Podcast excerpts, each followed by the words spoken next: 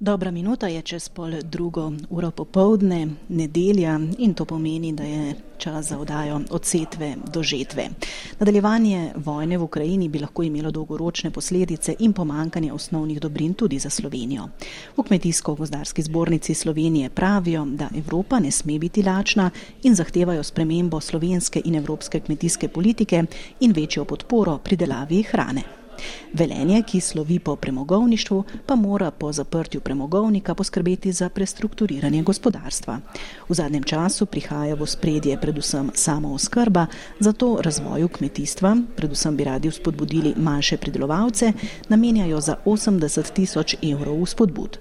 Kot kaže, pa je prestrukturiranje zelo pomembno tudi za druga področja in območja.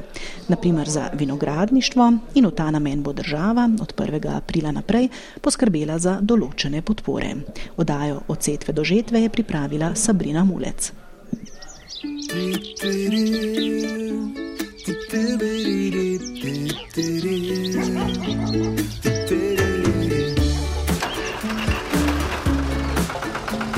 Od setve do žetve. Oddaja o kmetijstvu programov Radia Slovenija.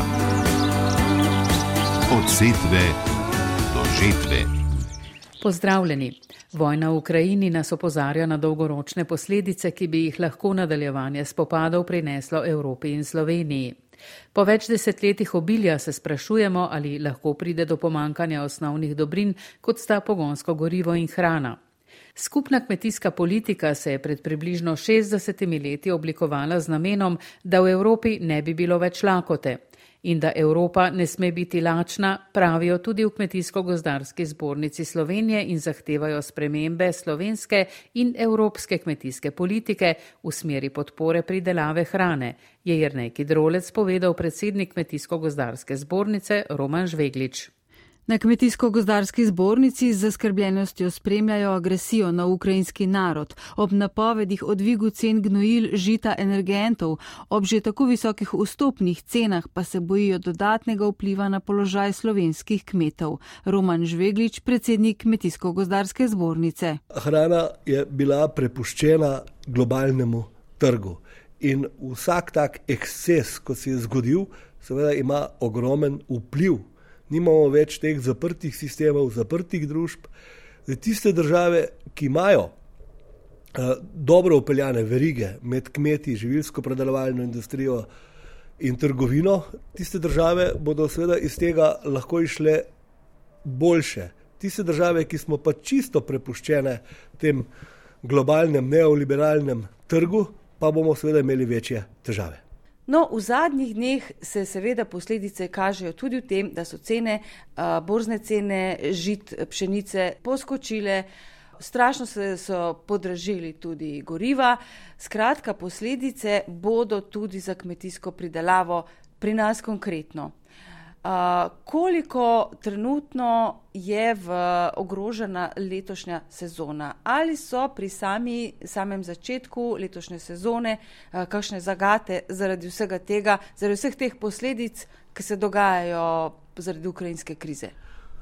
Sveda so zagate, to so zagate predvsem pri dvigu cen eh, goriv in seveda pri, pri dvigu, enormnem, nenormalnem dvigu cen mineralnih gnojil. Eh, kmetje, se pravi, ne kupujejo dovolj gnojil, s tem bodo seveda rastline imele manj hranil, posledično bo pridelava nižja, tudi kvaliteta v nekem meru vprašljiva, tisto, kar seveda v parametrih velja sedaj. Treba vedeti, da mineralnih gnojil ni za dobiti. Uh, jaz upam, da bo oskrba z gorivi, čeprav bo je draga, saj eh, možna, da jo bomo imeli, da bomo lahko kupili nafto, da bomo lahko šli eh, obdelovati eh, polja za spomladansko sveto. Zdaj jesen je posijano, kar je posijano. Dognojevano letos pomladi bolj tako, tako, ne, eh, ne na polno, tako kot je bila navada, in to bo že posledica tega, da bo nižji pridelki. Vemo, da je Slovenija močno odvisna od ruske nafte in dokler ne bo prestrukturiranja dobavnih poti, lahko prihaja do težav v času setve ali kasneje. Na hektar nive potrebujejo 200 litrov nafte ali več. Kmetijsko-gozdarska zbornica od vlade zato zahteva, da v primeru, če bo prišlo do moten pri dobavi goriva na trgu, kmetom zagotovi nafto iz blagovnih rezerv. Poleg tega pa že zdaj zahtevajo popolno oprostitev trošarin na goriva za kmetijsko proizvodnjo. Kmetje so bili že zadnjo sezono pod hudim pritiskom visokih vhodnih stroškov. Kaj kažejo projekcije? Kaj bi ta kriza lahko prinesla v kmetijstvu na področju cen? Cene seveda gredo gor, eh, nabavne vhodni stroški eh, pri kmetih. Se pravi, na prodajni strani bolj malo, bomo videli, zdaj, kaj, bo, seveda, kaj bo prinesla žetva. Pri, eh, zdaj je pod največjim pritiskom, seveda, perutnina, prašičereja, tudi proizvodna eh, mleka, ki uporabljajo se pravi žita za, za krmo eh, živali. Cene, ki jih kmetje dosegamo, ki jih prodajamo, ne dosegajo teh cen, se pravi, da tukaj bo cene morali iti gor, vse skupaj bo to moral plačati nažalost, eh, potrošnik. Upam, da bo seveda trgovina tukaj odigrala en amortizer, kajti ima dovolj, dovolj eh, rezerve ali špeha. Kaj bo pa zdaj to pomenilo pri cenih eh, poleti? Pri tem je pa seveda zelo odvisno, ali bo Ukrajina uspela pospraviti ta žita, ki jih je vsem posejala, in ali bo uspela spomladi zasejati polja, ki jih ima ali zaradi vojnih razmer ne bo mogoče. Morate pa vedeti nekaj, da v Ukrajini so ogromne kmetije, to je od 5000 hektarjev pa na več ne? in tukaj je tudi eh, logistično to težje narediti. Ne? Če jim bo, ne vem, zmanjkalo delovne sile ali bodo ljudje v, v vojski, v obrambi uh, Ukrajine, ali če se bo jim vem, tiste posestva zbombardiralo, pa jim bojo se uničili stroje, potem je to konc. Ne? To je problem teh velikih sistemov, zato seveda govorimo, da je v večjem delu Evrope, v tem zahodnem delu Evrope in tudi v Sloveniji velik večji pomen imajo in tudi lažja, uh, bom rekel, obladovanje takih kriznih uh, situacij imajo seveda družine družinske kmetije. Kaj vi pričakujete od odločevalcev? Ne samo, da pričakujemo, mi seveda tudi zahtevamo odločevalcev. Vemo, da je kmetijska politika najbolj regulirana gospodarska panoka v Evropski uniji in seveda zato zahtevamo od Evropske komisije, Evropskega parlamenta, voditeljev eh, evropskih držav, to smo že tudi naslovili tudi prek ostalih kmečkih organizacij, predvsem tukaj moramo reči za Nemško kmečko zvezo, da seveda naredi temeljit premislek, ali je ta globalizacija in ta način eh, financiranja kmetijstva po površinah, se pravi ne po količini, ali je to še smotrno, ali je to še smiselno?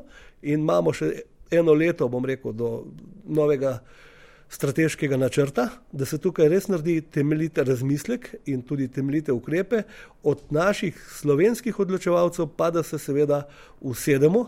In mislim, da nas je zdaj streznalo to, ta vojna v Ukrajini in da začnemo res, res takoj vzpostavljati domače prodajne verige, od kmeta do, do trgovin, tako da bi tudi v prihodnosti ne, bili manj odvisni od teh eh, svetovnih trgov, saj na tistih kulturah in na tistih področjih, ki jih eh, imamo in ki jih obdelujemo. Ne? V Kmetijsko-gozdarski zbornici menijo, da Evropska komisija ni predvidevala razmer, kot jih je prinesla vojna v Ukrajini in bi zato visoke okoljske omejitve in drastični zeleni prehod morali za nekaj časa preložiti. Podpiramo lokalno. Od setve do žetve.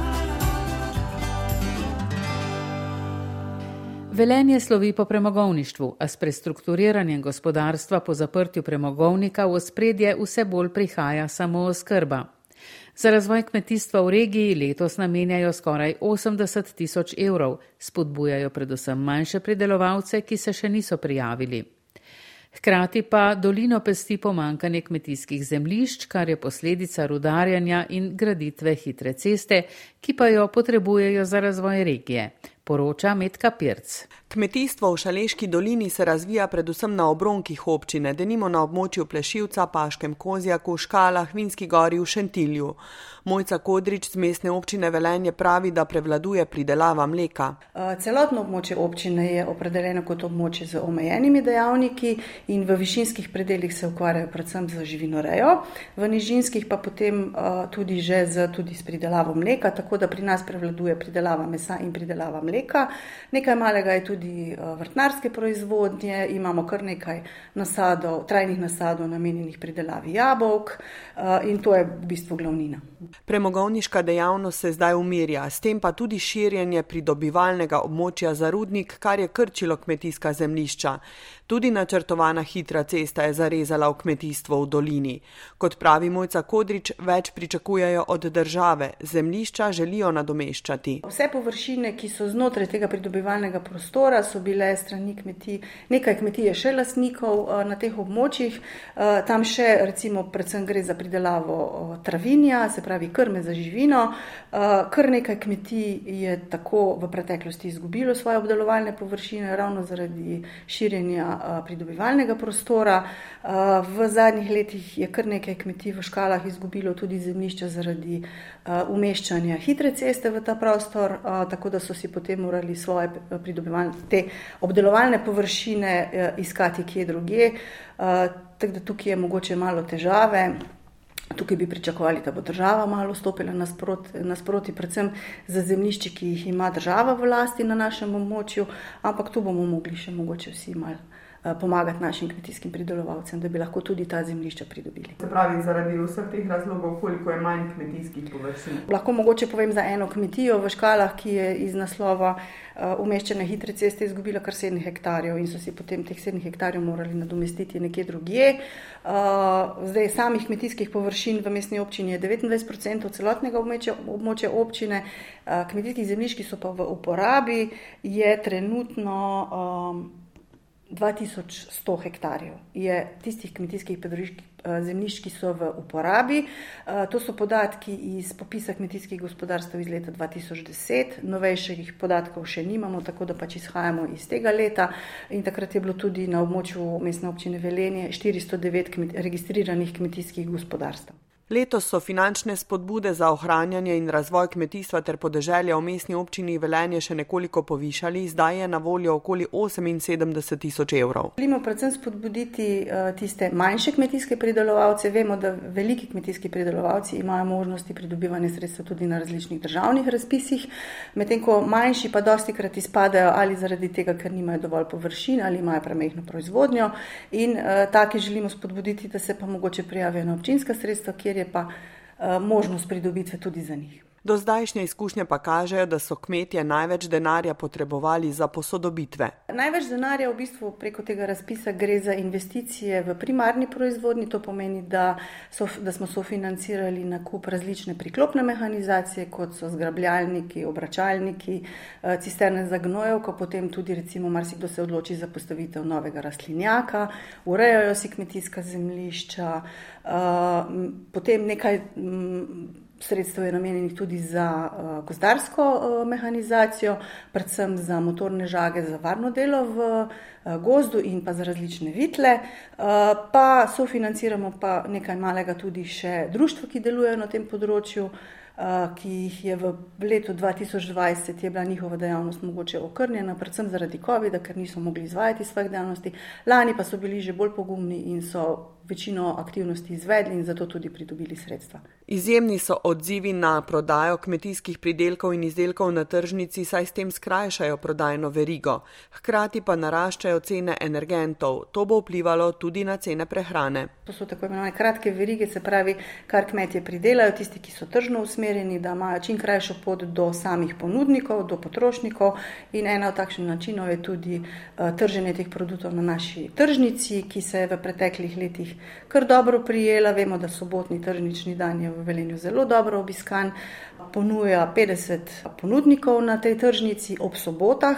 Večinoma prihajajo iz območja Šaleške in Zgornje Savinske doline, nekaj malega tudi iz ostalih koncev Slovenije, tako da ponudba tukaj je pestra, so tako ponudniki kot potrošniki zelo zadovoljni. Povejte še, smo v obdobju odraženja energentov, višajo se cene domala vsega, pričakovati tudi povišanje cene hrane. Kako lahko vi kot občina ukrepate? Zaenkrat nismo še sprejeli nekih načrtov, ker moram, moram povedati, da Po zakonu o kmetijstvu imajo vse lokalne skupnosti možnost izvajati neke ukrepe za pomoč kmetijstvu, s tem, da vse te ukrepe uh, moramo imeti potrjene strani države. Tako imamo vse občine sprejete pravilnike, v katerih imamo opredeljene ukrepe, ki jih lahko izvajamo in te so nam odobrili strani države. Zdaj smo v obdobju, ko se bo pričelo novo programsko obdobje in še čakamo na podrobnejše navodila. Je pa jasno, da se bomo morali tudi kot potrošniki zavedati pomena samooskrbe. Od setve do žetve. Vinogradniki, ki nameravajo prestrukturirati vinograde, lahko za to naložbo pridobijo določeno podporo. S 1. aprilom začne teči rok za oddajo vlog, zato je Karin Zoranče Bokli, specialistko za vinogradništvo na Kmetijsko-gozdarskem zavodu Nova Gorica, Mojco Maurič Strukal, povprašala o pogojih za uveljavljene podpore. Vsaka sprememba v vinogradu ni nujno prestrukturiranje. Če želi vinogradnik pridobiti podporo, mora v novem vinogradu spremeniti eno od naštetih stvari: sorto, medvrstno razdaljo, razdaljo med trtami v vrsti ali lokacijo. Ob tem pa je potrebno upoštevati še druge pogoje, je pojasnila specialistka za vinogradništvo na Novogoriškem kmetijsko-gozdarskem zavodu Mojca Maurič Štrukel. Osnovni uh, pogoji so sledeči. Najprej mora vinogradnik pridobiti dovoljenje za tako imenovano ponovno zasaditev vinske trte, kar seveda uredi na upravni enoti. Uh, razen, če gre za precepljanje, potem pač takšno dovoljenje ni potrebno. Prestrukturirati je potrebno najmanj 1000 km2 strnjene površine. In na kmetijskem gospodarstvu morajo obdelovati najmanj 5000 metrov kvadratnih ali 3000 metrov kvadratnih vinogradov. Ta površina je nekoliko različna, odvisno od vinorodnega okoliša, v katerem je kmetijsko gospodarstvo. Izvesti je potrebno zamenjavo sort, spremembo lokacije ali izboljšavo tehnologije. Pri čemer mora biti ta stari vinograd star uh, več kot deset let.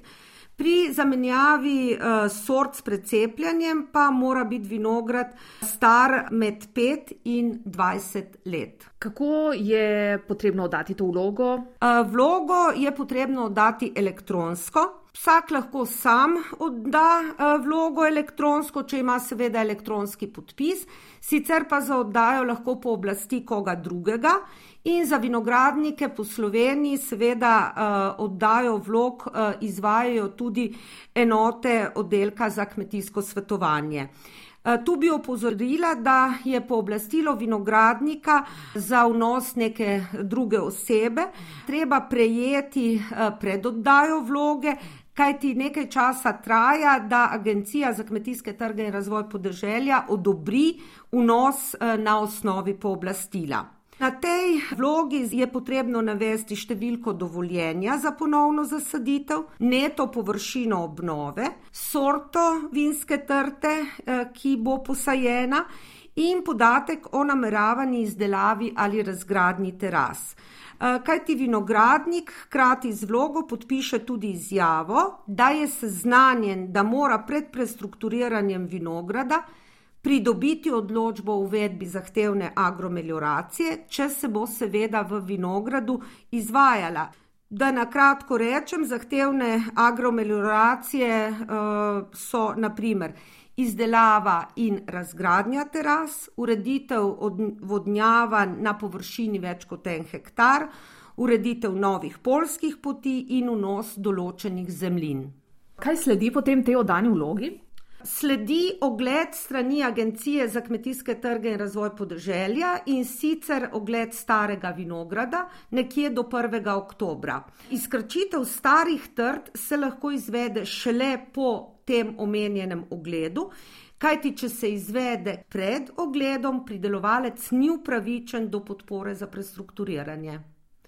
No, potem pa tak, ki bo letos eh, oddal vlogo, mora v letu oziroma najkasneje v dveh letih oddati izjavo o uveljavljanju podpore za prestrukturiranje vinogradov. Tako da ob oddaji te izjave potem eh, navede, ali je prestrukturiranje zaključeno ali ne. Napisati mora na izjavo dejansko neto površino obnove in ukolikor je prestrukturiranje obsegalo samo zamenjavo sort, bo kontrolor ob ogledu vinograda preveril tudi račun eh, oziroma etiketo za trsne cepljenke v novem vinogradu. Spostavila bi uh, to, da pri oddaji izjave mora biti tudi vinograd predhodno upisan, seveda, nove trte v registr pridelovalcev grozdja in vina na upravni enoti, da morajo pri izjavi upisati neto površino obnove. In pa, da če so opravili pri prestrukturiranju kakšno spremembo glede na vlogo, ki so jo podali, se pravi, da so spremenili ali lokacijo, sorto ali ureditev nasada, v smislu terasa vertikala ali rušenje starih naprava novih teras, skratka, da se je to spremenilo od vloge do izvedbe, morajo agencijo za kmetijske trge o tej spremembi obvestiti pred oddajo izjave o zaključku prestrukturiranja. Tudi glede eh, registra kmetijskih gospodarstv pravite, da je potrebno biti posebej pozoren. Ja, eh, prav zelo je potrebno biti pozoren, kajti vinogradniki resnično naj pred oddajo vloge ali izjave preverijo izpise iz registra kmetijskih gospodarstv. Kaj ti vinogradi morajo biti v registr pridelovalcev grozdja in vina in registr kmetijskih gospodarstv prijavljeni tako, da odražajo dejansko stanje v naravi. Ali je vinograd terasiran, ali ni terasiran, ali je ozelenjen, ali ni ozelenjen, ali so upisane prave sorte, prave podlage, gojitvene oblike, razdalje sedenja, starost trd. To naj preverijo. Vlogo za pridobitev podpore lahko vinogradniki oddajo od 1. aprila do 15. junija.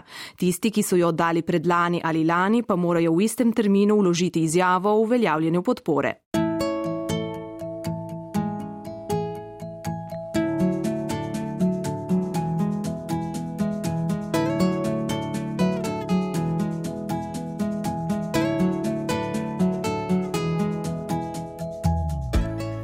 Po današnji oddaji, v kateri smo izpostavili predvsem spremembe in prestrukturiranje, se podpisujemo tonski mojster David Lap in novinarke Jrnejka Drolec, Metka Pirc, Karin Zoranče Bokli in Sabrina Mulec, ki sem jo povezala. Hvala za pozornost in vabljeni v našo družbo prihodnji teden. Od setve do žetve. Oddaja o kmetijstvu programov Radia Slovenija.